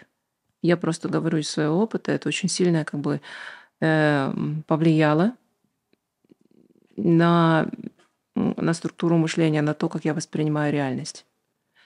Я иногда не совсем даже могу где-то понять, вот, э, ну, то есть, когда я э, пишу посты, я стараюсь всегда как бы информацию адаптировать до какой-то усредненной, скажем, айгуль, да, которая живет где-нибудь, ну, э, в Аркалыке, скажем так, да, и вот для нее давать расклад, да, чтобы как бы это максимально было полезно, э, в смысле понятно всем. Да. Э, и вот это вот мышление, которое заложено у меня вот с подросткового возраста, оно иногда мне как бы мешает. Почему? Потому что я не могу представить себе, как вот эта Айгуль, она будет мыслить в такой-то ситуации. Понимаете? Угу. Да. А, но вы можете, наверное, представить какую-нибудь Мэри из штата да, Алабама. Да, да, да, это, это проще, да. Да. То есть формирование личности это такой вопрос важный, да? То есть я что вижу? Просто я учился в Казахстане. Одну, одну вещь скажу. Я учился в Казахстане. Переехал я только в 25 лет. И угу. а, я знаю разных ребят. То есть я знаю ребят, которые учились в Штатах, потом переехали там и так далее. Но разница колоссальная, вот честно. То есть мне сейчас там, э, там спустя там больше трех лет, не могу сказать, что я прям сильно это повлияло на меня. Но ребятам, которые там были от 18, скажем, до 21, примерно возраста, mm-hmm. да, то есть там кардинальные изменения у людей просто. Там буквально человека mm-hmm. не узнать. И э, бывает, конечно, обратный случай, когда люди, наоборот, к исламу приходят на зарубежом, потому что mm-hmm. начинают там с джамагатом mm-hmm. каким-то общаться. Э, но чаще я видел обратную ситуацию. И плюс, наверное, вопрос джамагата он остро стоит, потому что мне мой совет был еще таким, что если раз уж вы хотите прям обязательно и вы решили ехать, то найдите джамагат, как минимум. Найдите угу. как минимум людей таких ваших взглядов, с которым вы можете общаться там. Желательно, чтобы они были старше, старше вас, да, скажем так. Это угу. такие люди угу. женатые, там, не знаю, люди, которые уже видевшие этот, э, много, много чего, а, как минимум, которые могут вас как-то хоть поддержать, скажем так, как минимум. Да. Но я уже согласен с вами. То есть я, честно, раньше я думал, надо там отправлять девушек, пусть учатся и так mm далее. Да, простят меня феминистки. Но э, я сейчас так не думаю. То есть, честно, после того... Сейчас, вот, наоборот, хочется, чтобы э, образование в наших странах оно было до такого уровня, что мы, mm в принципе, и не обязаны там отправлять, да, в целом. Угу. А, ну, есть онлайн. Или онлайн, да. А, угу. На что, смотрите, Имамхан могут ответить, так то же самое может быть произойти в Казахстане. Они могут так сказать. То есть, условно, девушка из Ахтубе переехала в Астану или в Алмату, нету родственников, живет там в, в общежитии и так далее. Она же таким же образом mm может это сделать, нет разве? mm Но здесь вопрос Махрама. То есть родители все равно должны продумывать, они же несут ответственность. А, она никуда, эта ответственность не растворяется после того, как ребенок школу заканчивает. Родители должны продумывать, брать на себя ответственность и а, как бы уже рассматривать какие-то варианты, какие-то перспективы, каким образом все это делать. Окей. Okay. В общем, если кратко, то а, махрам это прям, прям очень сильно важно. Мы до этого говорили. Особенно в наше время, да. Особенно да. в наше время.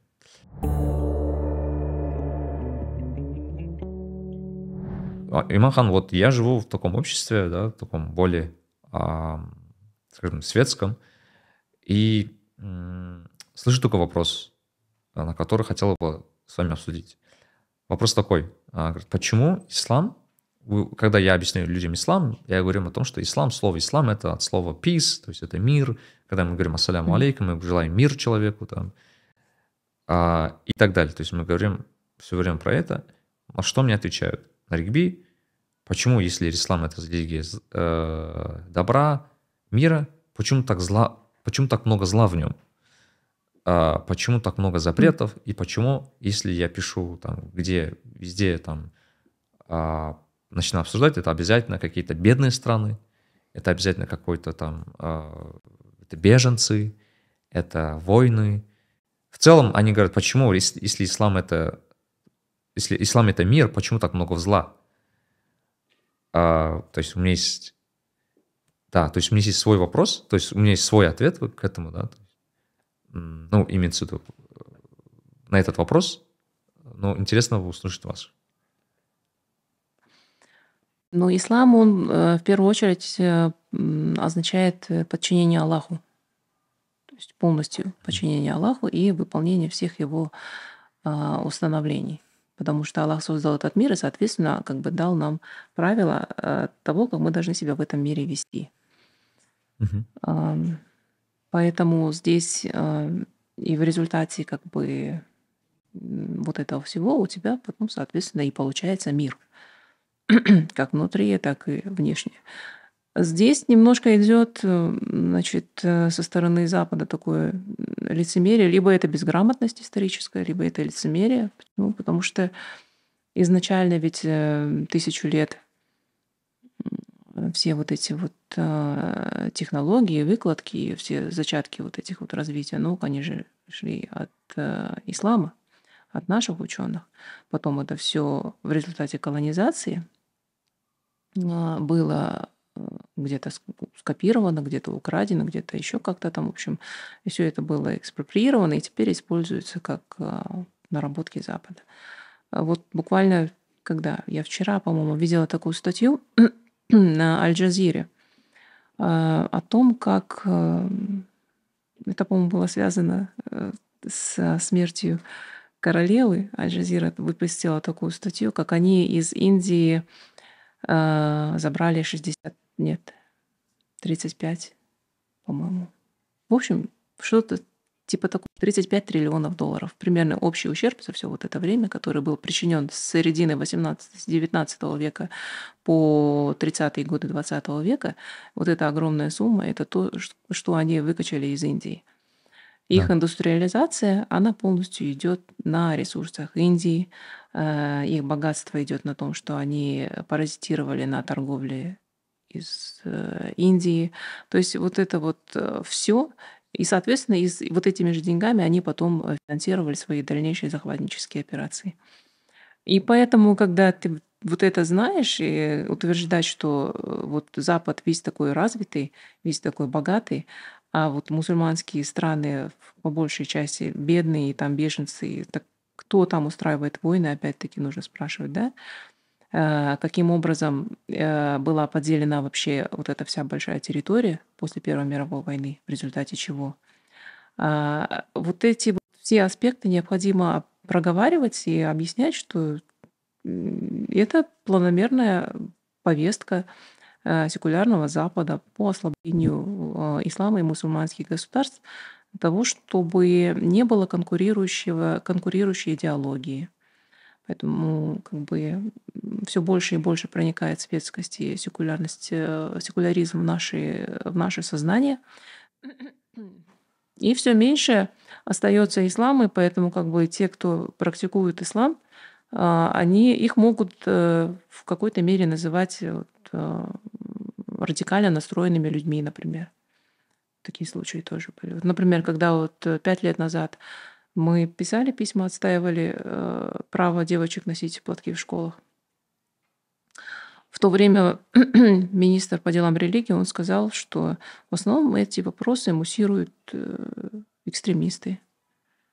И я, значит, когда про это... Это был официальный ответ от министра на мое имя. И поэтому я подала в суд на министерство, угу. потому что нельзя было э, допустить, э, чтобы государственный орган в Республике Казахстан мог спокойно а, обозвать какого-то человека экстремистом за то, что он требует нормального э, выполнения своих прав по Конституции. Понимаете? Да. То есть здесь как бы э, вот эта повестка секуляризма, она чем удобна Э, им и вот тем, кто продвигает ее, что они могут э, оперировать правами человека в любую сторону. То есть и как бы из-за того, что у мусульман совершенно друг, другие концепции, другое понимание, эм, мы в этом плане играем как бы в таких неравных условиях. Поэтому объяснять, э, что вот в мире много зла или там, допустим, в исламе много ограничений и так далее – это такая очень большая, э, наверное, в какой-то мере философская дискуссия, когда нужно прояснять самые базовые концепции, да? Почему э, существует определенный запрет? Почему ислам, например, против ростовщичества? Потому что это как раз и способствует объединению целых стран и да. супер обогащению каких-то других регионов. То есть вот это вот все, если планомерно доносить, то тогда у людей глаза открываются, да, иншалла. Такой не, непростой вопрос, на самом деле, потому что э, очень тяжело объяснять людям, которые только читали про то, что это, скажем так, зло, объяснять, что это как бы надо с другой стороны посмотреть на это все. То есть объяснять mm-hmm. там истоки этого всего очень тяжело. И эм, как бы обвинять некоторые, знаете, мусульманские страны, то, что они отсталые, само по себе как-то странно, потому что, как, например, возьмем ту же Индию, да, там, не знаю, у меня есть очень много коллег из Индии, они просто ненавидят Британию. То есть они все, то есть uh-huh. в один голос uh-huh. говорят. Это очень интересно, потому что, а, например, нам, э, ну, как бы людям из бывших советских республик, объясняли, что а, наш враг был, были фашисты. Да, то есть мы победили uh-huh. фашистов, мы такие красавчики. А им в школах в Индии объясняют, что э, наши, э, даже во время Второй мировой войны, наши главные враги были британцы. То есть по сути. То есть им все время школа говорит о том, что британцы это, это именно те люди, почему мы так не развились в итоге. Почему угу, там, угу. мы, имея столько богатств, столько всего, мы таки останемся. Ну, оста, угу. оста, страной, которой мы сейчас являемся. Да? То есть, и э, даже вот живя тут в, в Нидерландах, я сейчас тоже понимаю, что, э, например, это тоже бывшая страна, которая имела очень много колоний, угу. но которая сумела отказаться от них, скажем так, угу. вовремя. То есть сказать, ребята, ладно, мы там а, оставим вам Индонезию, там вот эти вот эти вот эти страны мы вам оставим, но культурный след, который они оставили, они до сих пор и они до сих пор там. То есть, а, там не знаю, в Индонезии очень много людей, например, колонизировалось а, в Евро, в Голландию из-за того, что mm-hmm. они там когда-то их захватили и так далее.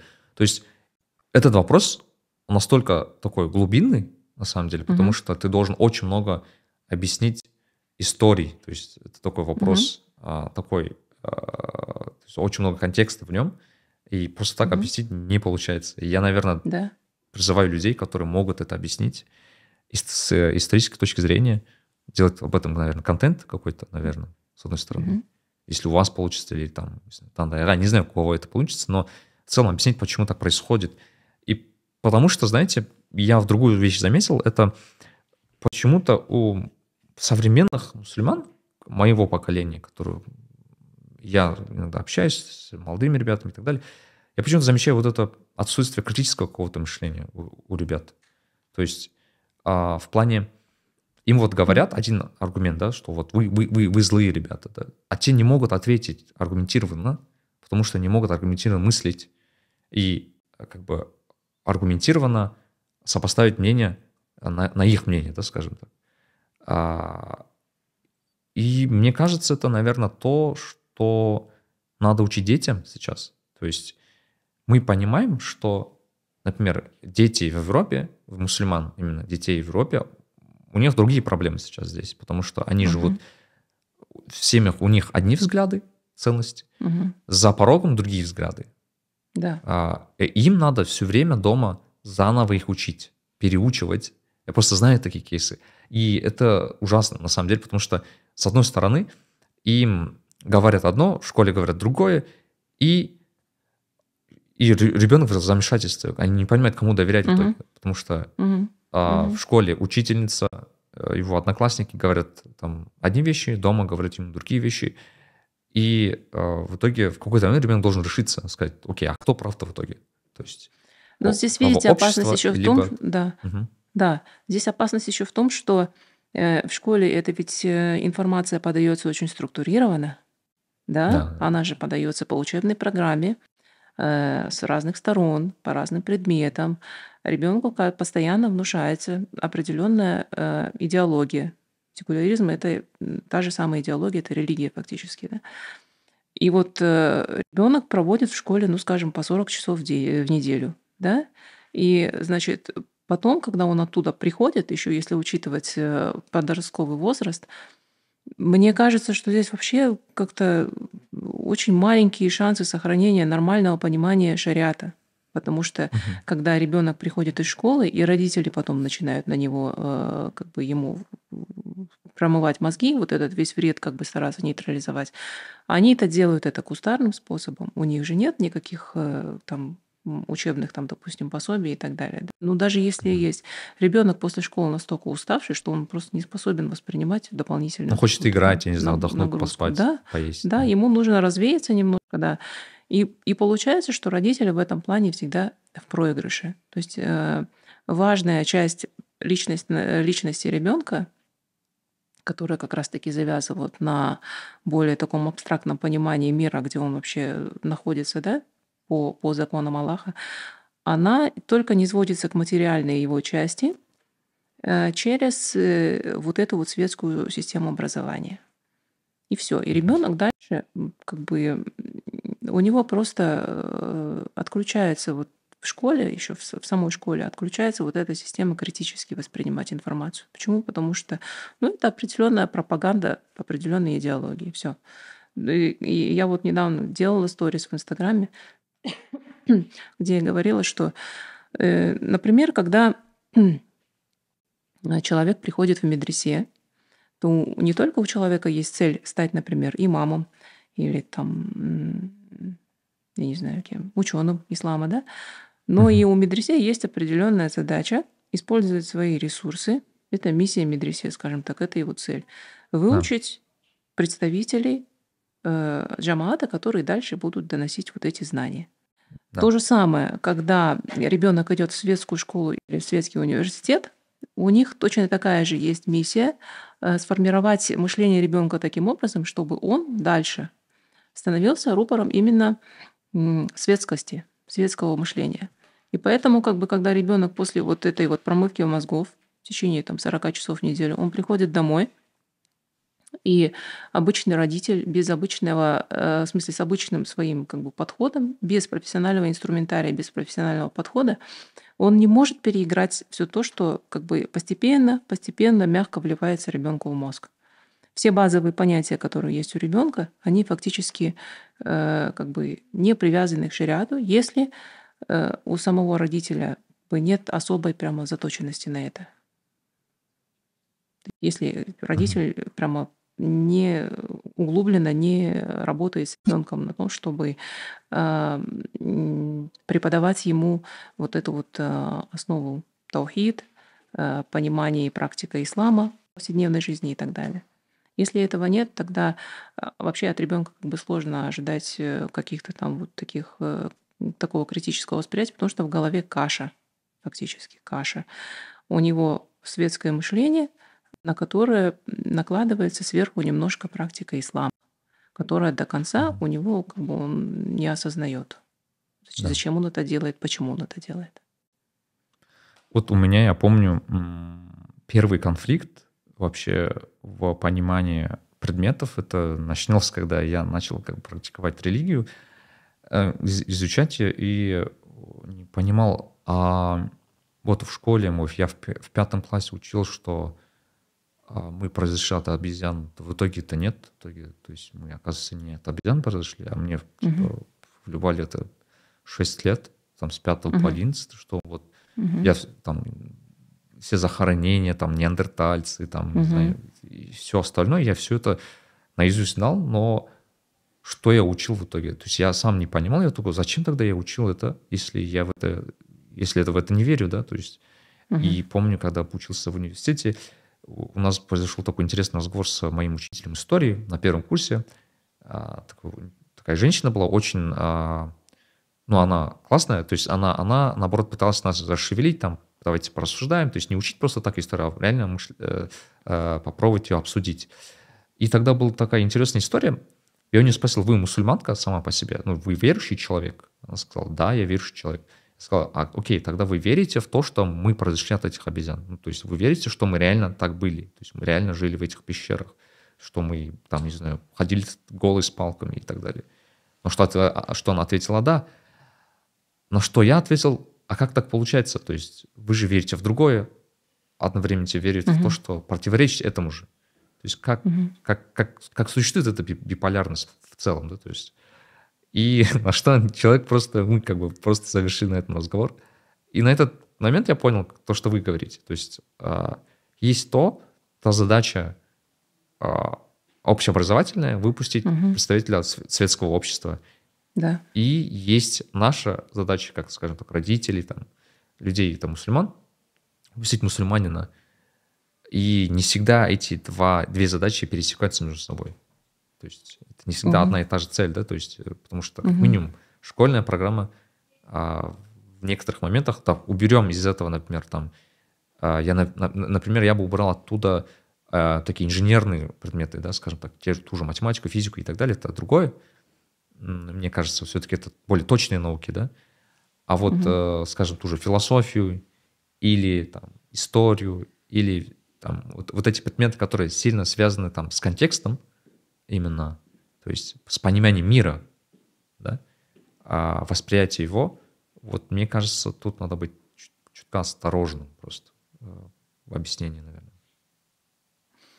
Ну и здесь, видите, сейчас идет общее как бы затачивание именно на предметы э, STEM, да, то есть э, точные да. науки и все такое. И э, гуманитарные предметы, они как бы уходят в такую, я бы сказала, немножко незаслуженную тень, э, хотя в формировании мышления как бы э, особую роль играют именно они. То есть нужно просто подходить, например, история.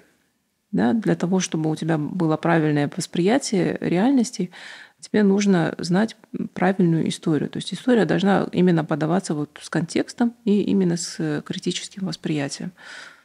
Такую, таких преподавателей у нас, ну, я не знаю, может, единицы в школах. В основном это как бы пихаются дата, сухие какие-то там выкладки фактологические, и все. И ребенок не знает, что с этим делать. Оно у него просто как бы мертвый груз. Он в одно ухо влетело, в другое вылетело, и все. Хотя это как бы можно было бы использовать именно вот как э, создание такой базы для понимания своей, вообще понимания того, кто я понимание истории своего народа, каким образом, почему и что и как происходило, да, и почему вот э, в нынешней реальности у нас именно вот такие проявления, определенные процессы, почему это происходит. И тогда у ребенка были бы, да, уже какие-то э, основания для, критического восприятия, вот как вы говорите. А когда этого нет, когда э, система она не заинтересована в том, чтобы ребенок вообще критически что-то воспринимал, вот они тебе скормили пропаганду, дали тебе определенное как бы э, такую, а, такой расклад по происходящим событиям, и все, и ты как бы этим должен быть доволен. Да. Очень э, было полезно вот услышать ваше мнение об этом, как mm-hmm. Э, родителя, э, пятерых детей, да. да, то есть. А, знаете, просто вот мы сегодня очень много таких вопросов обсуждали, там, связанных там, с религией и так далее. Мне вот интересно, mm-hmm. а, а, вот у вас есть немало аудитории именно мусульман, которые вас, ну, вас читают, да, то есть вам доверяют.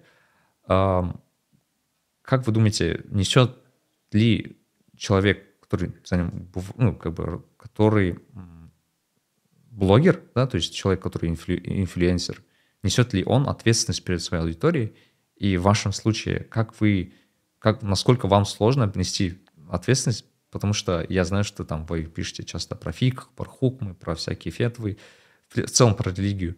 И как бы что, как бы, я считаю, очень большая, на самом деле, ответственность перед людьми, перед, перед Всевышним в первую очередь. Да, это, это большая ответственность, поэтому вот такие вот посты я беру либо из э, э, достоверных источников, либо я их согласовываю. То есть, например, вот, этот, вот, вот эту серию постов э, ФИХа по браку и разводу, каждый пост я согласовывала с, э, со специалистами.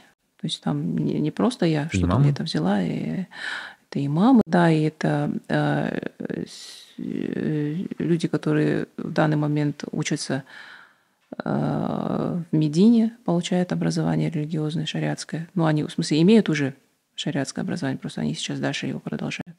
Вот, они mm-hmm. как бы тоже видя вот эту всю большую проблему, когда я попросила о содействии, да, то как бы этот человек согласился, и я до того, как публиковать всю вот эту информацию, я скидывала ему, он это все проверял, носил свои поправки, и потом я публиковала.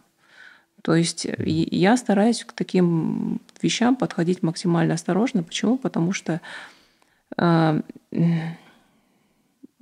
это, если я что-то не так напишу, это будет искажение религии.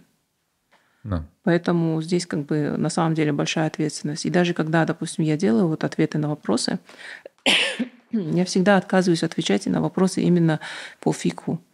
Потому что я говорю, вот у нас есть в Инстаграме сейчас Э, по-моему, Думк сделал несколько таких аккаунтов, и э, в Инстаграме сейчас есть аккаунт Алматы Фатва. Поэтому я как бы да. говорю, если у вас есть такие вопросы, вы адресуете туда, вам там специалисты, которые много лет учились, они вам дают полностью расклад с точки зрения шариата. То есть ко мне приходят вопросы, которые вот именно практического плана, когда там, а что делать там вот по жизни, ну, если, ну, Это больше там... такие советы, да, не, не консультация, а больше советы, да? Да, да, то есть это как бы рекомендации, которые, да. И если я вижу, что опять-таки вот в этой ситуации лучше обратиться к имаму, я так и говорю. Потому что если вопрос сложный, когда нужно именно вот такое вот профессиональное мнение, то я э, отправляю. То есть я стараюсь как бы на себя вот эту вот ответственность не брать. И я все время подчеркиваю, что как бы это, этого, вот эти знания, их желательно вообще как бы в интернете не получать. Есть курсы, э, при мечетях, которые можно посещать. Да. Есть специальные курсы, которые вот на наших ресурсах э, опубликованы. Их можно урок за уроком проходить. То есть э, какая-то база определенная, какое-то понимание у человека формируется, и потом уже исходя из этого он туда либо добирает э, образование, в смысле информацию, либо он обращается к каким-то компетентным специалистам. Угу. Я как бы всегда стараюсь, чтобы девочки действовали именно так. Угу. Да, а как вы сами, ну, говоря про вас, а, как вы сами получаете знания? Каким вот образом? Вы, не знаю, посещаете уроки? да, точно так же я стараюсь, вот под, да, под, подписываюсь на Э, онлайн-школу. В Телеграме есть онлайн-школа, называется Сатр.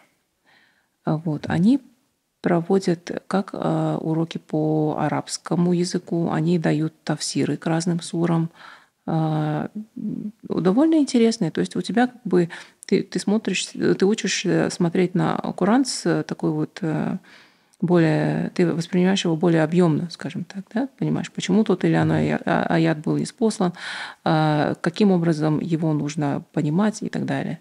И тогда, соответственно, у тебя уже меняется отношение к реальности, к практике ислама. Да, круто. А, потому что я просто считаю то, что, э, ну, понятное дело, знание, да, то есть э, брать, брать знания — это ответственность мусульманина — но угу. именно, мне кажется, сейчас это особенно важно для мусульманок в первую очередь, потому что а, почему-то так завелось, что а, в основном, когда мы говорим про, например, тех же ученых, говорят в основном про ученых мужчин, а то, что в основном угу. были ученые женщины, про них как-то мало говорят. А, да, то есть... Э, хм. ну, раньше, видите, опять-таки это все, да, это, это Э, происходит из-за того, что состав общества раньше был другим. Вот, допустим, если да. брать э, Саудовскую Аравию того периода, там женщины были э, учеными, по большей части, если они рождались в семье ученых.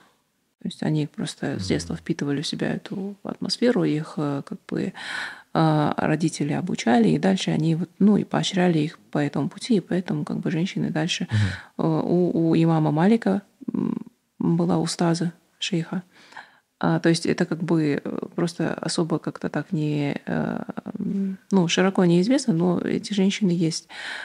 А, чисто с практической точки зрения, мне кажется, в то время женщине было сложно обучаться, потому что как бы это и, и быт был совсем другой, и за детьми нужно было, как бы вот таких вот централизованных муниципальных школ не было, куда ты сдавал своего ребенка, да, на целый день. Поэтому как бы они старались э, выходить из ситуации так, как могли.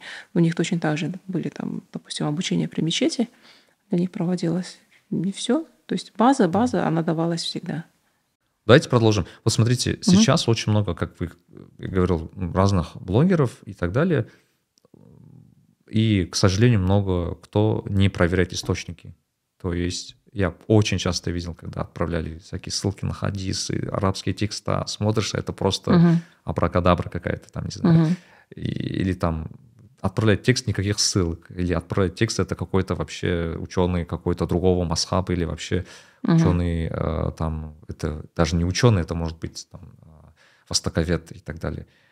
А как проверять источники. То есть приходит текст религиозный там, особенно это популярно в всяких семейных чатах, да, когда отправляют вот такой кусок текста, пишут там так-то, так-то в группах. Э, и хочется просто сказать, ну, ребят, надо проверить, откуда это, кто это, кто это отправлял, или на самом деле это, или это так. Ну, наверное, здесь э, без, без э, знаний языка это довольно сложно сделать, потому что э, либо стараться как бы брать информацию только из вот таких вот каких-то проверенных источников, где ты знаешь, что на самом деле люди работают э, и проверяют, и ничего такого левого не публикуют. Как-то вот стараться ограничивать пространство своего, в смысле, пространство для подачи информации именно такими источниками. Потому что на самом деле, да, можно очень легко запутаться, можно даже как бы и э, такая информация, она может просто сомнение даже посеять где-то в сердце, которое да. потом может разрастись и повлиять на иман. Поэтому угу. здесь, э, да, на самом деле важно.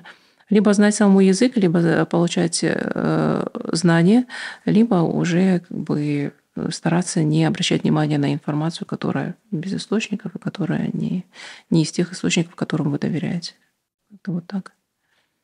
Но мне кажется, еще надо э, на подсознательном уровне, вот есть, э, вот вы читаете текст, и текст вызывает у вас какие-то эмоции странные, знаете, вот чувство злости или там чувство, какие-то странные чувства, вы читали текст, и как-то не так себя почувствовали, это, по идее, является, для меня лично это является тем, что надо очень сильно проверить, насколько это правильный mm-hmm. текст. Ну, имеется в виду, потому что текст имеет э, такое свойство влиять на настроение и на, mm-hmm. на, в целом на состояние человека. Mm-hmm. И э, им можно манипулировать очень сильно, на самом деле, настроениями людей. Да, да. да. Э, Здесь прям надо учитывать. Ну, для того, чтобы вот так вот э, интуиция и сердце срабатывало, для этого нужно как бы регулярно их подпитывать. А то некоторые как бы полагаются да, на, на, на сердце или интуицию, а на самом деле эм, э, я вот тоже писала как бы серию постов, что сердце, оно у нас не, не находится в одном каком-то статичном да, положении. Аллах меняет состояние сердца, и поэтому мы должны прикладывать определенные усилия для того, чтобы а, постоянно очищать, постоянно подпитывать, постоянно как бы быть, стараться быть на высоте, стремиться к высоте имана. Поэтому здесь, если у вас все это есть, тогда, да, если какие-то начинаются сомнения, то лучше отстраниться. Да. Имам көп рахмет ну, очень было полезно алла разы болсын сізге а, у нас в конце э, нашего подкаста есть такой маленький бриф э, несколько вопросов. А, задаем каждому гостю и хотелось бы вас услышать. А, первый вопрос э, какие три книги вы бы подарили если бы хотели подарить кому-то подарок да? там день рождения например. Какие три топ три книг вы хотели бы подарить топ-3 книги. И так, я бы подарила Коран, и я бы подарила... А, есть трехтомник э, Сиры, называется, по-моему, «Благословенный век». Да. Так. Казанжи, и... я, кажется, читал его. Да, да, да. Да, да, да. Ну, там как бы все э, очень подробно и в то же время как бы хорошо mm-hmm. так расписано. И третья книга, я даже не знаю, что еще подарить.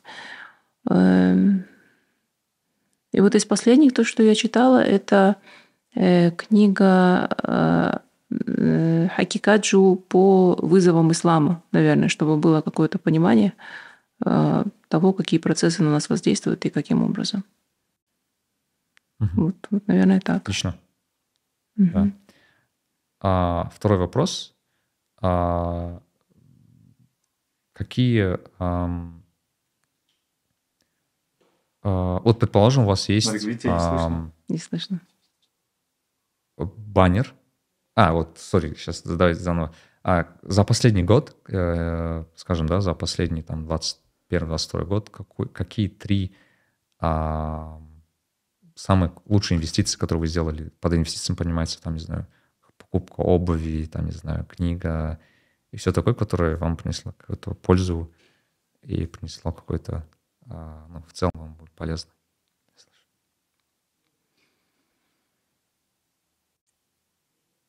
Я даже не знаю. Я даже не знаю, что сказать.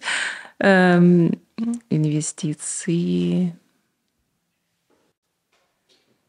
Не знаю, как ответить на этот вопрос. Я вот так вот как бы даже не думала. Сразу на вскидку не получится сказать. Ну, самое последнее, наверное, что у вас просто первое, что придет в голову.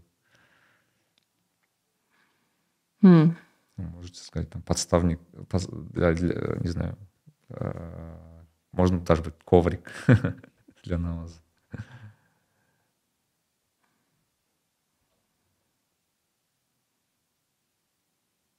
Нет, я не могу. У меня ничего, вот знаете, вообще мозг пустой совершенно. Ничего не приходит на ум, вообще ничего. Из того, что я куда-то за что-то оплатила, и это как инвестиция. Нет. Не могу вспомнить ничего такого. Окей. Ладно, пропустим тогда этот вопрос. А, Тогда сами давайте заменим этот вопрос. Какие топ-5 качеств а, у мусульманина должно быть в 21 веке, как вы считаете? Стрессоустойчивость. Да. Мгм. Критическое мышление. М.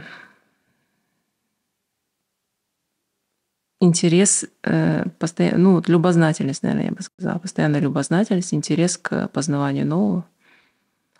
Ам, Усидчивость. Да, восприятие, в смысле, это имеется в виду как бы восприятие информации. И, эм, и смелость. Смелость? Угу. Да. Все, пять назвала. Спасибо. И у нас последний вопрос. А, Это такой больше на во- воображение.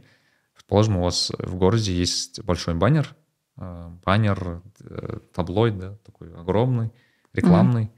А, Там его там очень сильно видно а, людям. И он ваш, и у вас есть возможность э, поставить на него что-то. Там, положим, не знаю, картину, слово, фотографию, все что угодно, он ваш.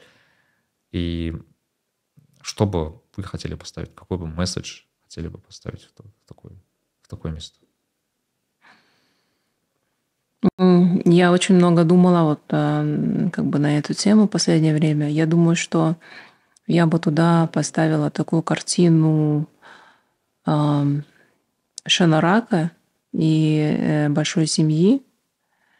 И такой очень э, как бы теплая обстановка в Шанараке, и как бы и от него исходит вот такое вот свечение, чтобы, чтобы люди помнили, помнили, вспомнили о том, что у нас основа цивилизации – это семья, не, не там не хотелки, не амбиции, не что-то такое, а что вот мы все из семьи, семья нам дает э, определенную основу, семья нам пом- помогает и учит нас как бы э, первым шагам в практике религии, да, и потом мы идем дальше.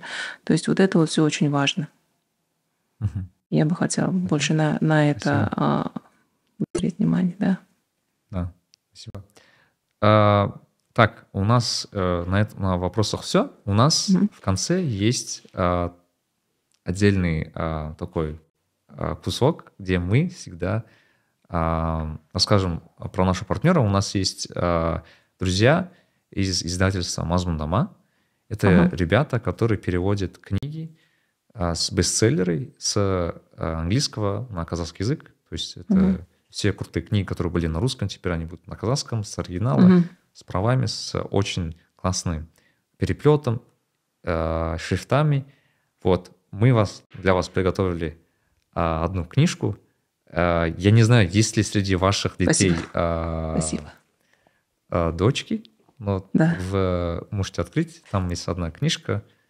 Мы сегодня говорили очень много про женщин, и мы хотели показать, что есть ученые женщины. Это вот книга ага. про женщин в науке, да, там, угу. и угу. в очень интерактивном таком формате на казахском языке. Угу. қазақ тілін оқыңыздар мазмұндама баспасынан кітап алыңыздар. Мгм. ә, осылай қазақ тілін дәріптеп ә, кітап оқып жүрейік. Рахмет. Ә, рахмет. аха. Ханым көп рахмет сізге. Алла разы болсын. Сізге рахмет. А, да хотелось бы еще с вами поговорить в следующих наших выпусках. Иншалла. иншалла. Мы встретимся еще раз. А сіздерге көрермендерге осы ә, подкастымыздың ә, тыңдап қана қоймай біздің телеграм инстаграм тикток желісімізге жазылып және осы инстаграм ә, ютуб парақшамызға ә, жазылыңыздар. Алпыс сегіз пайыз адам осы подкастты ә, жазылмай тыңдап отыр екен. Солай жазылып қойыңыздар. Иә көп рахмет. Ассалаумағалейкум.